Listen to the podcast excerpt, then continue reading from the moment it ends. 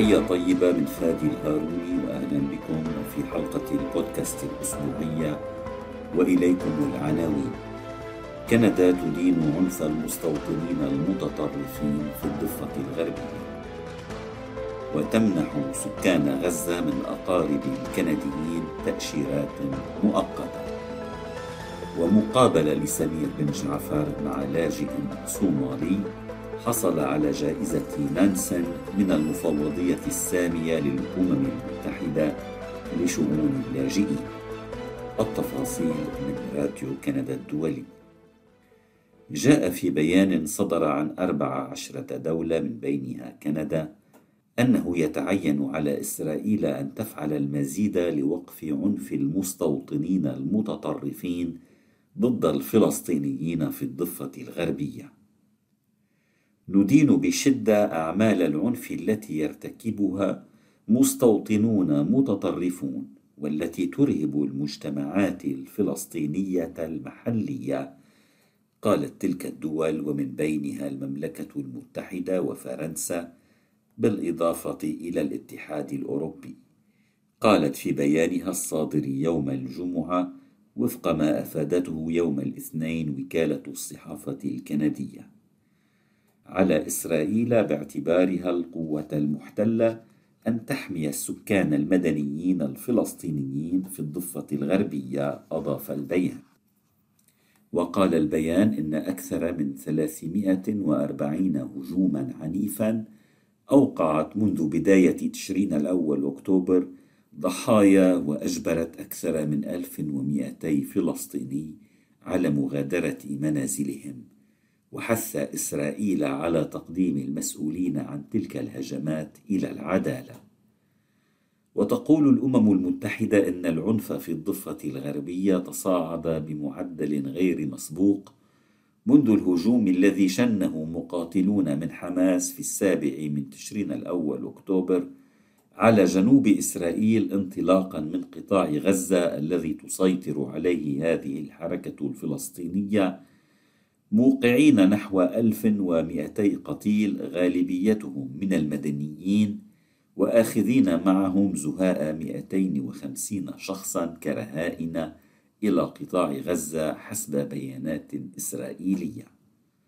وردت إسرائيل بقصف القطاع الفلسطيني بشكل غير مسبوق وإطلاق عملية برية واسعة النطاق فيه متسببة بمقتل أكثر من عشرين ألف شخص وإصابة أكثر من ثلاثة وخمسين ألفا آخرين بجراح. غالبيتهم من النساء والأطفال والأشخاص دون سن الثامنة عشرة حسب وزارة الصحة في حكومة حماس. كما تسبب القصف الإسرائيلي بتهجير قرابة خمسة وثمانين بالمئة من سكان قطاع غزة البالغ عددهم نحو 2.3 مليون نسمة وبدمار في الممتلكات واسع النطاق. وفي سياق متصل أعلن أمس وزير الهجرة الكندي مارك ميلر عن إجراءات جديدة ومؤقتة للعالقين في قطاع غزة من أفراد الأسرة الممتدة لمواطنين كنديين أو مقيمين دائمين في كندا.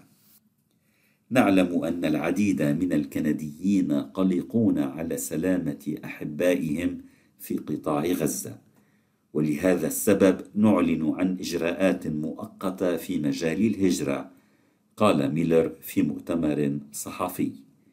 وبالتالي ستمنح كندا تأشيرات إقامة مؤقتة لهؤلاء الأقارب حتى يتمكنوا من القدوم إلى كندا ولم شملهم مع أفراد أسرهم المقيمين هنا أوضح ميلر.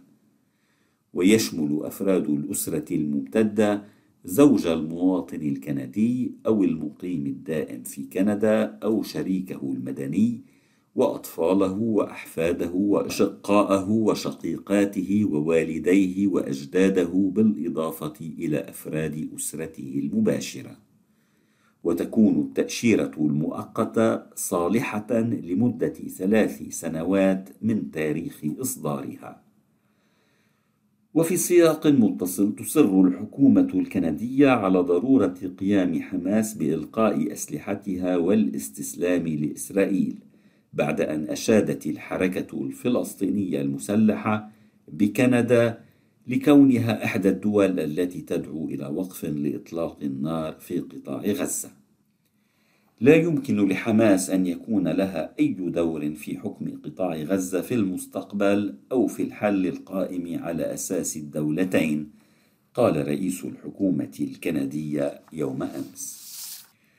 نحن بحاجة لبناء إلى جانب إسرائيل آمنة وحرة لبناء دولة فلسطينية آمنة وحرة أيضا.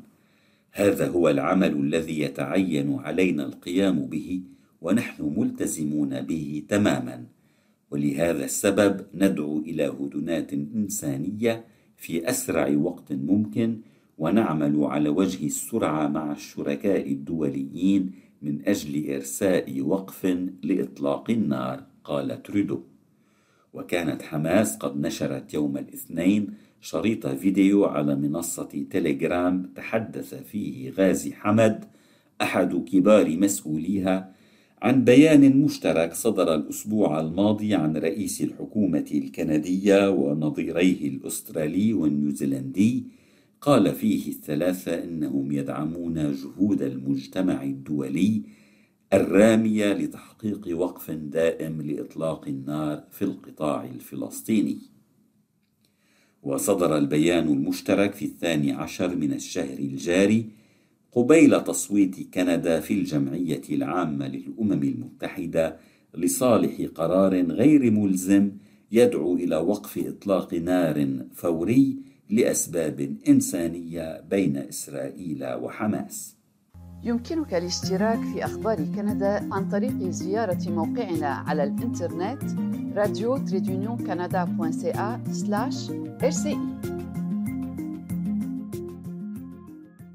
تكريم لاجئ سابق في كينيا لمبادراته في تعليم اللاجئين. كرمت الأسبوع الماضي في جنيف المفوضية السامية للأمم المتحدة لشؤون اللاجئين اللاجئ الصومالي السابق عبد الله ميري بجائزة نانسن لعام 2023 بعد أن تمكن من توفير 100 ألف كتاب للأطفال اللاجئين في كينيا كما أوضحت المفوضية. وتحمل الجائزة اسم المستكشف النرويجي والعالم والدبلوماسي والناشط في المجال الإنساني فريد جوف نانسن الحائز على جائزة نوبل للسلام لعام 1922 وأقيم حفل تسليم الجوائز خلال خلال المنتدى العالمي للاجئين ولم يكن عبد الله ميري الفائز الوحيد حيث قدمت المفوضية جوائز إقليمية. وفي مقابلة مع راديو كندا الدولي عبر تطبيق زوم قال عبد الله ميري الذي يقيم حاليا في كينيا إن حصولي على هذه الجائزة يمثل شرفا كبيرا لي ويعبر عن قوة إرادة الإنسان حيث يمكنك أن تصبح ما تريد إذا حلمت بذلك. لا تحتاج لدولة أو مؤسسة قوية كي تحصل على جائزة. يمكن للأمور الصغيرة التي تقوم بها أن تأخذك بعيدا. ويقول هذا الشاب الشاب البالغ من العمر 36 عاما. إن التحدي الذي يواجه اللاجئ في المخيم